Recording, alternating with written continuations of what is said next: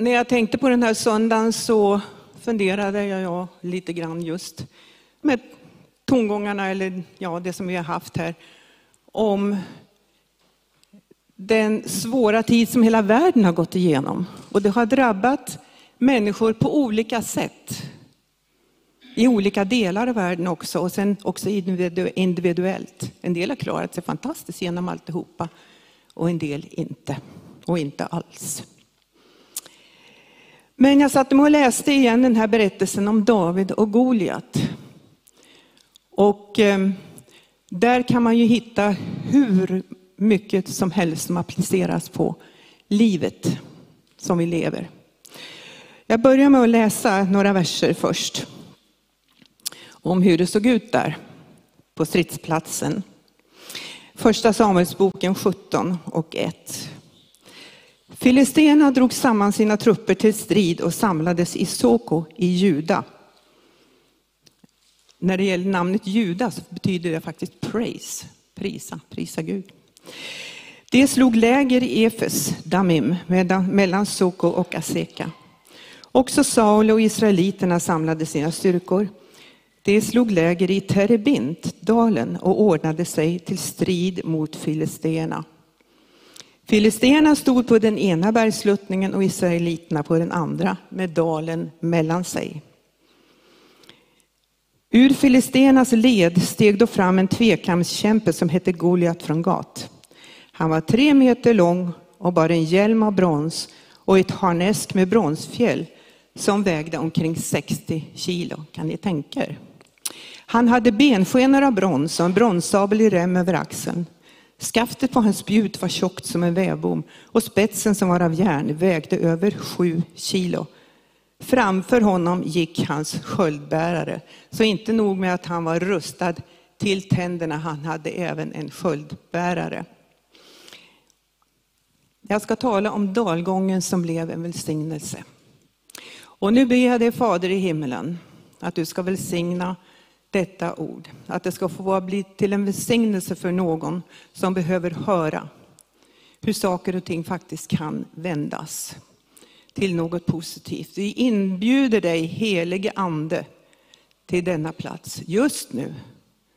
Tack att Jesus att du har lovat att där, du, där vi är samlade två eller tre så är du mitt ibland oss. Och det är det nu. Vi tackar dig i Jesu namn. Amen. Så filisterna hade alltså slagit läger uppe på höjden och Israels barn i dalgången, men nu stod båda herrarna på varsin sida om dalgången. Och Goliat, jätten som var tre meter, han stod där och skrek i 40 dagar, morgon och kväll. Bara för att skrämma och ta bort allt mod hos israeliterna. Och de blev alltså livrädda. Han utmanade någon att komma och strida mot honom, men ingen vågade ställa upp. Så blir David skickad till hären av sin far med mat till sina bröder som var med i eh, den här Israels här. Och då kommer han, den här lilla David, troligtvis 15-16 år gammal, vacker tror jag att han var, liten spänslig yngling. Och kommer där och så frågar han, vad ska den få som tar livet av den här filisten? Jo, han skulle få kungens dotter, det lät ju attraktivt. Och rikedomar, det lät ju också attraktivt, eller hur? Men det verkliga motivet, tror jag, varför David var intresserad av att slå filisten var det här som han sa. Hur kan en oomskuren filiste få skymfa den levande Gudens här? Han var heligt upprörd. Goliat skymfade den levande Gudens här. Han visste, David visste, att Israel var Guds egendomsfolk och med dem gjorde man inte hur som helst. Men hans äldsta bror blev jättearg på honom och tyckte han var en fräck slyngel som hade lämnat sina får. och dig iväg härifrån, eh, du har inget här att göra. Och alla han pratade med hade samma uppfattning om honom. Ingen tog notis om honom. Men då går han till Saul. Var inte rädd för den där filisten. Jag ska gå ut och strida mot honom. Det duger du inte till, sa Saul. Men då talade David om för honom att han hade tagit livet och slagit ner både lejon och björn. Det kommer att gå likadant för den där filisten eftersom han har skymfat den levande Gudens här. Herren som har räddat mig undan både lejon och björn, han skall också rädda mig från den där filisten. Vilken trosvisshet. Det är bra i tuffa situationer att se tillbaka på hur Herren har hjälpt tidigare. För då vet man att han också kommer att hjälpa nu och i framtiden. Eller hur? Och vi hade en väldigt god vän i USA, en mycket känd karismatisk eh, luthersk präst. Han var ledare i den karismatiska rörelsen. Han startade 700 Club tillsammans med Pat Robertson. Mycket god vän till oss och Erik turnerade med honom i Sverige också. Och han sa så här, första gången man ska tro på ett under så är det svårt, sa han. Men när man har sett det undret, sen blir det lättare och lättare och lättare och lättare att tro. Så är det. Man har varit med om något förut där man har sett Gud ingripa. Han sviker inte. Så när David säger det här, då förstod Saul att det var något som var annorlunda med den här killen. Det var något annorlunda med honom. Så han säger till David, precis som det faktiskt var, gå, Herren är med dig. Herren är med dig. Och det är också ett ord till någon här idag. Nu fick David full stridsutrustning av Saul, inklusive Sauls kläder. Så prövar han att gå den, men det gick inte alls. Det här kan jag inte gå i, sa han. Han tog av sig den. Jag tror att han ville vara sig själv. Den enkla herdepojken i herdekläder. Han ville inte ta på sig en roll som inte var hans. Och det är något vi kan tänka på. Vi behöver inte bli annorlunda eller ta på oss en roll för att Gud ska använda oss. Utan vi kan vara oss helt själva. Precis som vi är. Han utrustar dig. Om du bara litar på honom har han en uppgift för dig. Känner du att du ska göra något, då kommer han att utrusta dig precis för den uppgiften. Och du behöver inte tvivla, inte vara rädd. Herren är med dig. Så valde David ut fem släta stenar och vi pratade om det Allan och jag. jag sa, varför tror du de var släta? Jo, ni vet man kastar smörgås så här. Då ska de vara släta, eller hur? Mm. Gå fortare genom luften. Fem släta stenar och han stoppade in i sin herdeväska. Han tog sin käpp och gick mot Goliat med slungan i handen. Gick ner för slänten.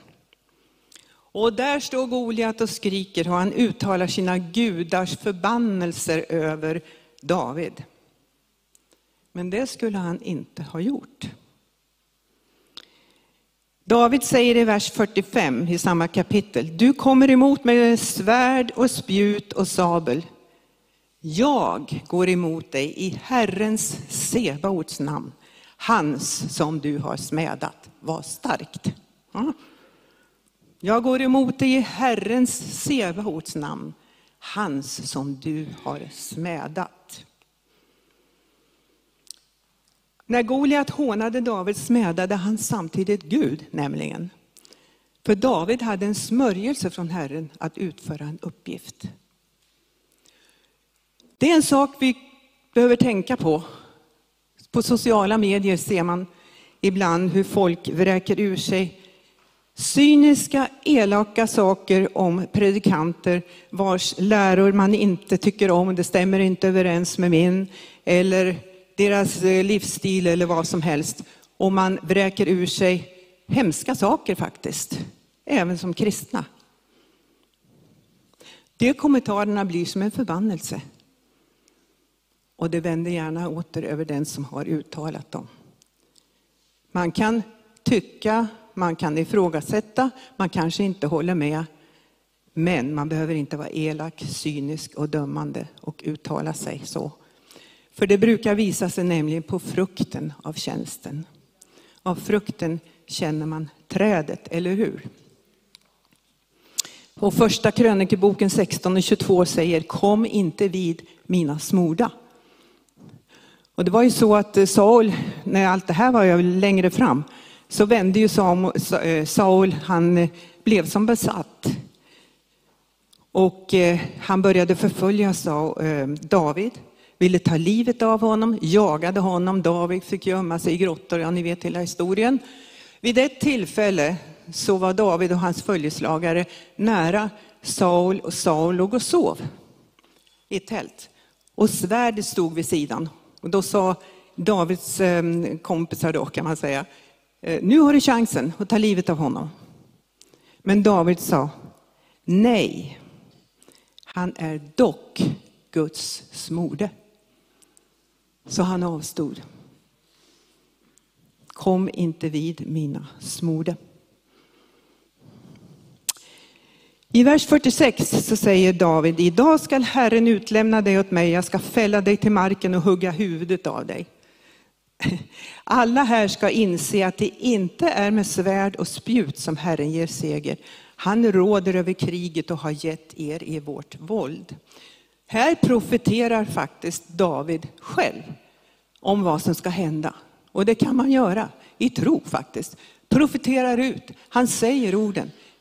Gud har gett mig i, i, er i vårt våld. Han hade stor tro. Och jag skulle vilja säga att var det nytestamentlig tid skulle man kanske kunna säga att han hade trons gåva. I alla fall, han hade tagit på sig trons sköld som vi kan läsa om i Efesierbrevet 6 och 16. Så kommer Goliat närmare ner för sluttningen och David springer snabbt ner i dalen och slungar iväg en sten som träffar Goliat rakt i pannan och jätten faller. Så David kan springa fram och slutföra sin uppgift. Goliat hade naturligtvis inte väntat sig den där typen av vapen. Han trodde David skulle använda sina käppar för att försöka slå ner honom. Tror jag är en hund eftersom det kommer emot mig med käppar, sa han. Slangbällan var ett överraskningsmoment. Oväntat, helt oväntat. Hur skulle eh, Goliat kunna tänka sig att den där lilla David skulle slänga iväg en sten och fälla honom? Gud kan ge dig ett vapen som blir som en överraskning. Kanske någon som kommer till hjälp oväntat. Ett ord, en handling, något som slår ner motståndet och gör att situationen vänder i ett enda nu. Vi har en hel del berättelser i vår bok om sådana situationer. När Gud bara kommer så här och det vänder.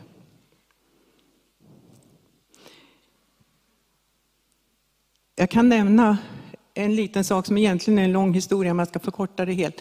Ehm, när vi hade, första året vi bodde i USA hade Erik blivit kallad till Nya Zeeland, en stor eh, satsning av Full Gospel Businessmen med eh, team som kom från USA. Man hade stora kampanjer, eh, väckelsekampanjer. Tre månader innan tappade han rösten. Han kunde inte sjunga på flera månader. När man inte sjunger och är sångare har man ingen inkomst. Och det här är USA och vi har ingen sån här, vad heter det, a-kassa eller vad det Nej, så det var tufft. Skulle han åka eller inte? Han gick i tro och han åkte. Jag hade inga pengar kvar hemma, jag hade tre dagars mat i skafferiet. Men då sitter jag där på kvällen och eh, upplever hur Gud talar till mig. För jag hade nämligen varit på ett möte och lovat missionärer eh, ett offer.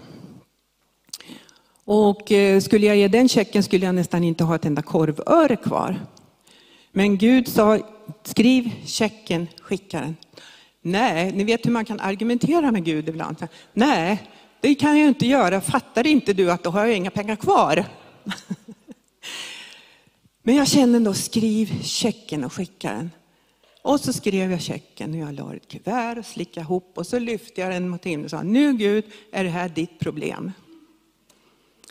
Och kan ni tänka er att en eller två dagar senare så började det komma brev i brevlådan, checker. Folk som hade hört oss där ett halvår tidigare uppe i norra, vi var i Kalifornien men uppe i norra Amerika. Vi blev så välsignade när ni var här så Gud manade mig att skicka det här. Eller, eh, vi vill ha skivor, en skiva, vi vill ha tre skivor, vi vill ha sex skivor. Och det drällde in pengar så jag hade nog tills han kom till Australien. Rösten började ändra sig på planet och han kunde sjunga. Han sålde ut alla skivor han hade, fick skriva gula lappar och skicka hem. Eh, jag packade skivor, det var från golv till tak. Det var helt otroligt. 3000 skivor sålde vi på ett nolltid.